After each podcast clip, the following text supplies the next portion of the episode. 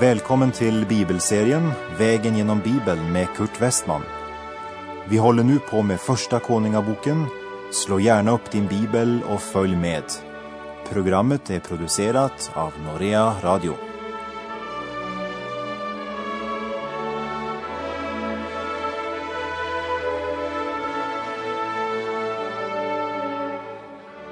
Vi har kommit till Första Kungabok kapitel 5 där Salomo gör ett handelsavtal med Hiram, kungen i Tyrus.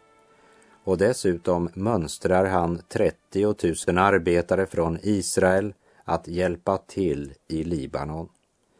Tyrus var ju den stora handels och sjöfartsstaden i Fenicien och kung Hiram den förstes tid betecknas som Tyrus guldålder.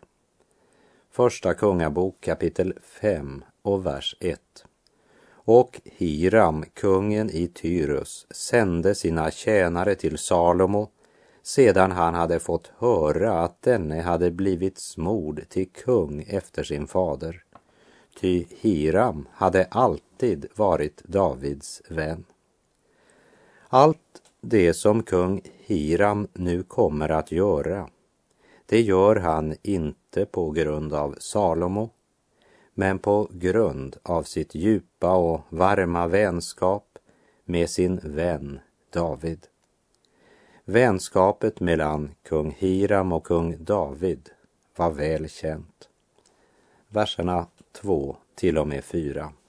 Och Salomo sände bud till Hiram och lät säga du vet själv att min fader David inte kunde bygga något hus åt Herrens, sin Guds namn, för det krigs skull med vilka fienderna runt omkring ansatte honom, tills Herren lade dem under hans fötter.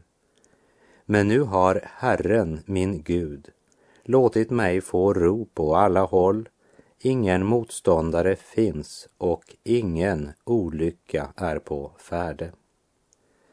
Kära vän, endast Gud kan skänka fred på jorden och endast Gud kan skänka frid i ett människohjärta. Och är det något vår värld behöver idag så är det frid. Och i Matteus kapitel 11, vers 28 inbjuder Jesus och säger Kom till mig, alla ni som arbetar och bär på tunga bördor, så ska jag ge er vila. Endast Gud kan ge oss denna vila och frid.